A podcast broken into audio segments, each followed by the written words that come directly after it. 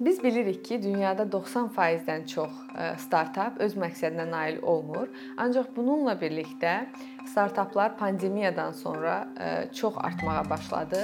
E, həm Azərbaycanda, həm dünyada çox startapların artdığını və yeni iş yerlərinin hər il daha çox yeni iş yeri açdığını görürük. Elə buna görə də startapda mı, yoxsa böyük şirkətdəmi çalışmalıyıq, işləməliyik? Öz əməyimizi harda dəyərləndirməliyik? Bu suala bu video ilə cavab tapacağıq.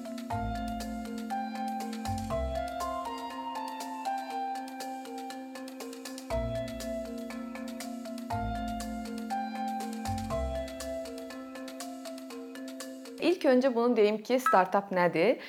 Startaplar hər hansı bir məhsul, bir xidmət və ya sizin çox həvəsli olduğunuz bir ideya ilə başlayan yeni şirkətlərdir. Hətta hə, hələ şirkət olmamış startaplar bir ideya kimi başlayır və siz bu ideyanı yoxlayaraq bu görəsən tutarmı, tutmazmı, daha sonrasında bunu bir şirkətə çevirirsiniz və startaplarda işçi sayı kiçik startaplarda 5 nəfər və biraz artıq böyüyəndə isə 50 nəfərə qədər olur və bu startapları böyük şirkətlərdən fərqləndirir.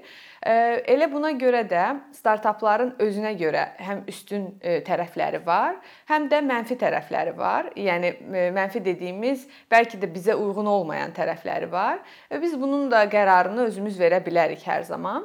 İlk növbədə startaplar struktur olaraq çox kiçik olurlar və kiçik olduqlarına görə də orada sizin liderlik etmək qabiliyyətiniz, liderlik bacarıqlarınızın e, inkişaf etməsi e, daha e, tez mümkündür və siz karyerada böyük şirkətlərdən fərqli olaraq bir pilləkən olmadığına görə, bir iyerarxiya olmadığına görə buna bir biz yastı iyerarxiya deyirik. Belə bir yastı iyerarxiya olduğuna görə siz çox rahatlıqla istədiyiniz bir vəzifədə özünüzü yoxlaya bilərsiniz. Bir vəzifədən başqa bir vəzifəyə 6 ay içində, 3 ay içində tez-tez dəyiş e, dəyişdirə bilərsiniz.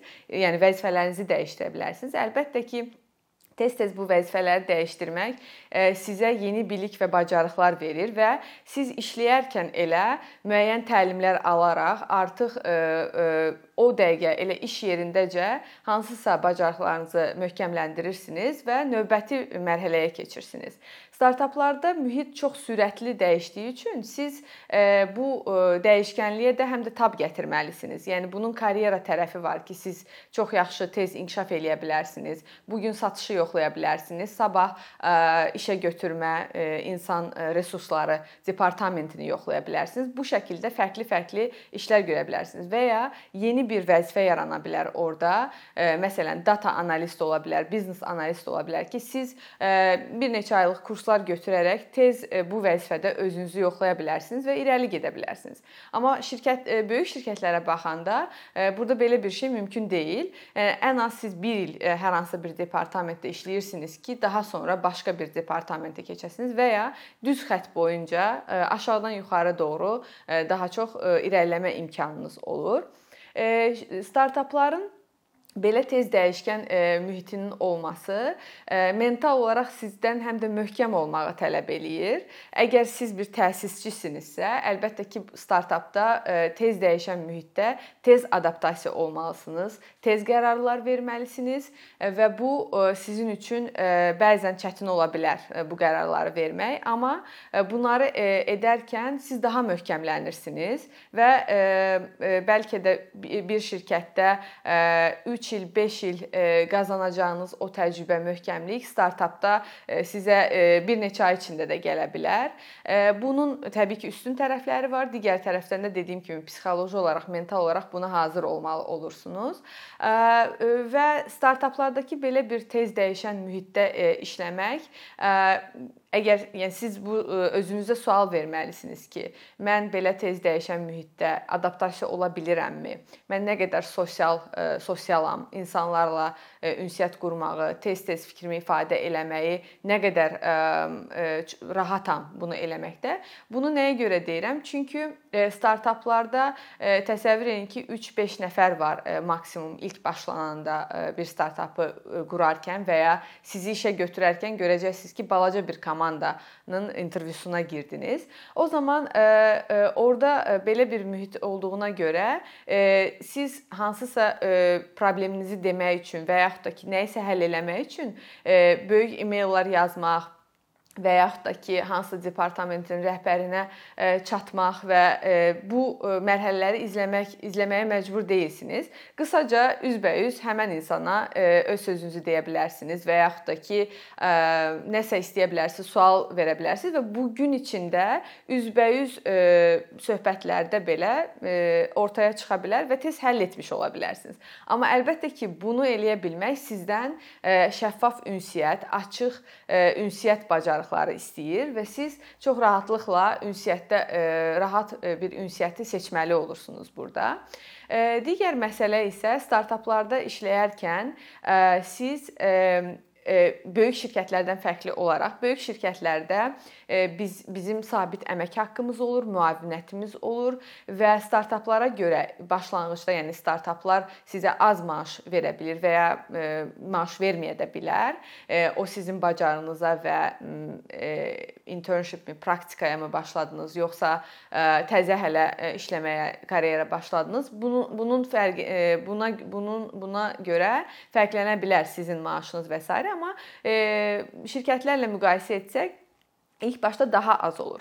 Amma şirkətlərin, böyük şirkətlərin sizə vermədiyi bir şey startaplarda sizə səhmlər verilə bilər. Employee stock option dediyimiz işçilər üçün özəl bir səhm seçim səhm seçim hovuzu olur və siz bu şirkət IPO olana qədər siz bu səhm e, seçim hovuzundan 5% ilə 30% arasında səhm e, əldə edə bilərsiniz. Əlbəttə ki, bunun şərtləri olur.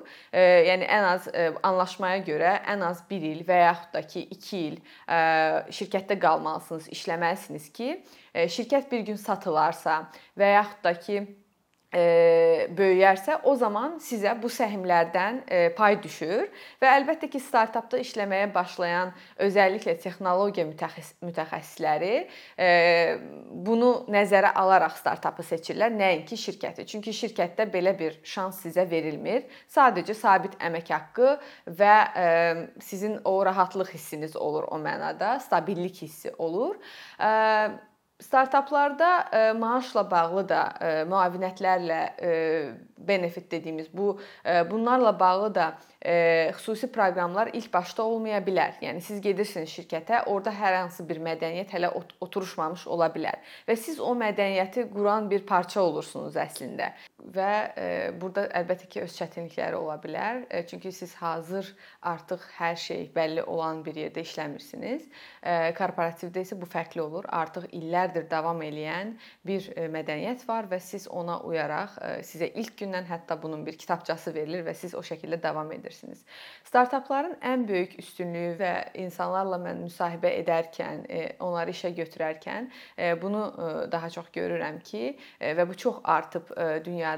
Demək olar ki, hər müsahibə elədiyim 5 insandan biri hibrid və yaxud da ki, uzaqdan işləmək seçimini istəyir şirkətdən və əgər şirkət böyük bir maaş versə belə əgər bu seçimlər verilmirsə ona, e, həmin e, namizəd e, o işi o işə o işi rədd eləyə bilər və bunu biz burada görürük ki, artıq bu ten, artan tendensiyada startaplar o mənada da önə çıxır və qazanır. Çünki startapların çoxunda belə şanslar olur və siz dünyanın müxtəlif yerlərindən işləyə bilirsiniz və ya olduğunuz ölkədə hibrid işləyib, yəni 2-3 gün həftənin gedə bilərsiniz iş yerinə.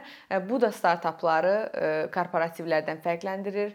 Startapla böyük şirkətin bir başqa böyük də fərqi mentorluq məsələsidir. Yəni böyük şirkətlərdə sizin həmişə mentorlarınız olur. Bu mentorunuz sizin meneceriniz ola bilər. Çünki burada həmişə belə üst, yəni pilləkənvari getdiyi üçün, iyerarxik getdiyi üçün sizin həmişə bir mentorlarınız olur soruşmağa və yeni gəldiniz mütləq orada öyrənə biləcəyiniz, təcrübə qazanacağınız insanlar var. Amma startapda isə siz öz mentorunuz olursunuz. Mentorları xaricdən tapa bilərsiniz. Yəni şirkətin xaricindən e, hansısa bir insandan 1 saatlıq məsələn maliyyə ilə bağlı və yaxud da ki satışla bağlı müxtəlif e, təlimlər və ya konsultasiyalar ala bilərsiniz. Amma şirkətin içində siz həmişə təlimlərlə e, və yaxud da ki özünüz iş prosesində səhv edə-edə, öyrənə-öyrənə bu şəkildə startapda irəliləyirsiniz və əlbəttə ki bir çox bir məqamdan sonra hər zaman gələn sual budur ki, bəs biz burada vaxt itirmirikmi? Hazır başqa bir şirkətdə mən gedib öyrənə biləcəyim bir şey nəyə görə burada səhv edə-edə, yıxıla-yıxıla, yıxılıb dura-dura öyrənim?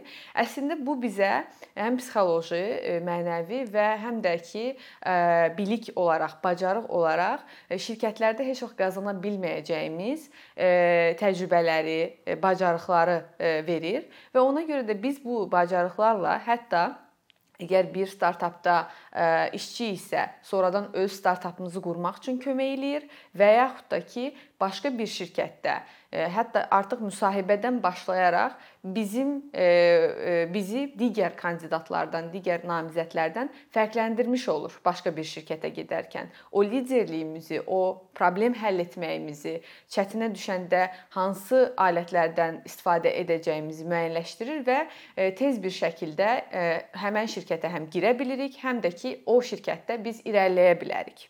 Mən e, müsahibələrdə çox rastlaşıram ki, e, yeni məzun olub e, və e, demək olar ki, universitetdə oxuduğu müddətdə həmin tələbə hər hansı bir e, layihəyə qoşulmayıb və ya startap kimi bir yerdə işləməyib. Amma bu startapda işləyən və yaxud da ki, qısa müddətli hansısa layihələrdə işləyən insanların CV-ləri və onların portfolioları daha zəngin olur. Ona görə də mən çox məsləhət görərdim ki, əgər siz hal-hazırda tələbəsinizsə və yaxud da yeni məzunsunuzsa, yenə də gec deyil, fərq etməz. Siz hər hansısa bir startapa öz əməyinizi təklif eləyin və məsələn bu sizin dizayn bacarıqlarınız da ola bilər, bir app dizayn eləmə bacarığınız ola bilər və yaxud da ki, qrafik dizaynersinizsə, sosial mediada o dizayn bacarıqlarınızı göstərə bilərsiniz və beləliklə də sizin artıq bir korporativə getmək istəyirsinizsə, əlinizdə bir portfolio olur və bu portfolio ilə o korporativə çox e, rahatlıqla e, müraciət eləyə bilərsiniz və başqa e, kandidatlar, namizədlərdən daha üstün olacaqsınız belə olan halda.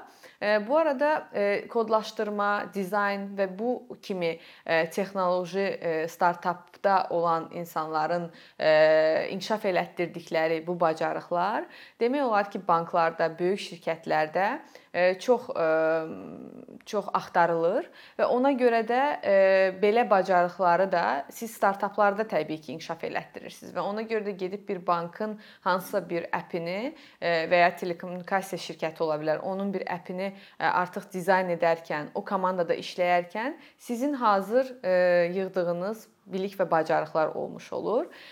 Burada belə bir məsələ də var ki, bir çox şirkətlərin innovasiya departamentlərində də siz əgər startaplarda işləmisinizsə, bir çox böyük şirkətlərin innovasiya departamentləri olur. Hansı ki, onlar texnologiyanı artıq bu dəyişən dünyada, özəlliklə pandemiyadan sonra o departamentlər departamentlər vasitəsilə daha çox texnologiyanı artırırlar, texnoloji alətlərini artırırlar. Belə olan halda yenə də sizin startaplarda qazandığınız bilik və bacarıqlar belə böyük şirkətlərdə lazımlı olacaq. Ancaq həmçinin biz onu da görürük ki, startaplarda işləyənlər çox vaxt elə yenə böyük startaplarda və yaxud da ki, artıq şirkətləşmiş startaplarda işləməyə davam eləyirlər. Mən hətta görürəm ki, bir çox kodlaşdırma bacarığı olan, proqramminq bilən bir çox insanlar bir neçə startaplarda remote şəkildə uzaqdan dediyimiz işləyə bilir. Yəni siz uzaqdan işləyərkən əslində 2 və ya 3 freelance olaraq da 2-3 proyekti apara bilərsiniz və burada hər hansı bir problem olmur. Vaxtınızı da çox yaxşı dəyərləndirmiş olursunuz. Thank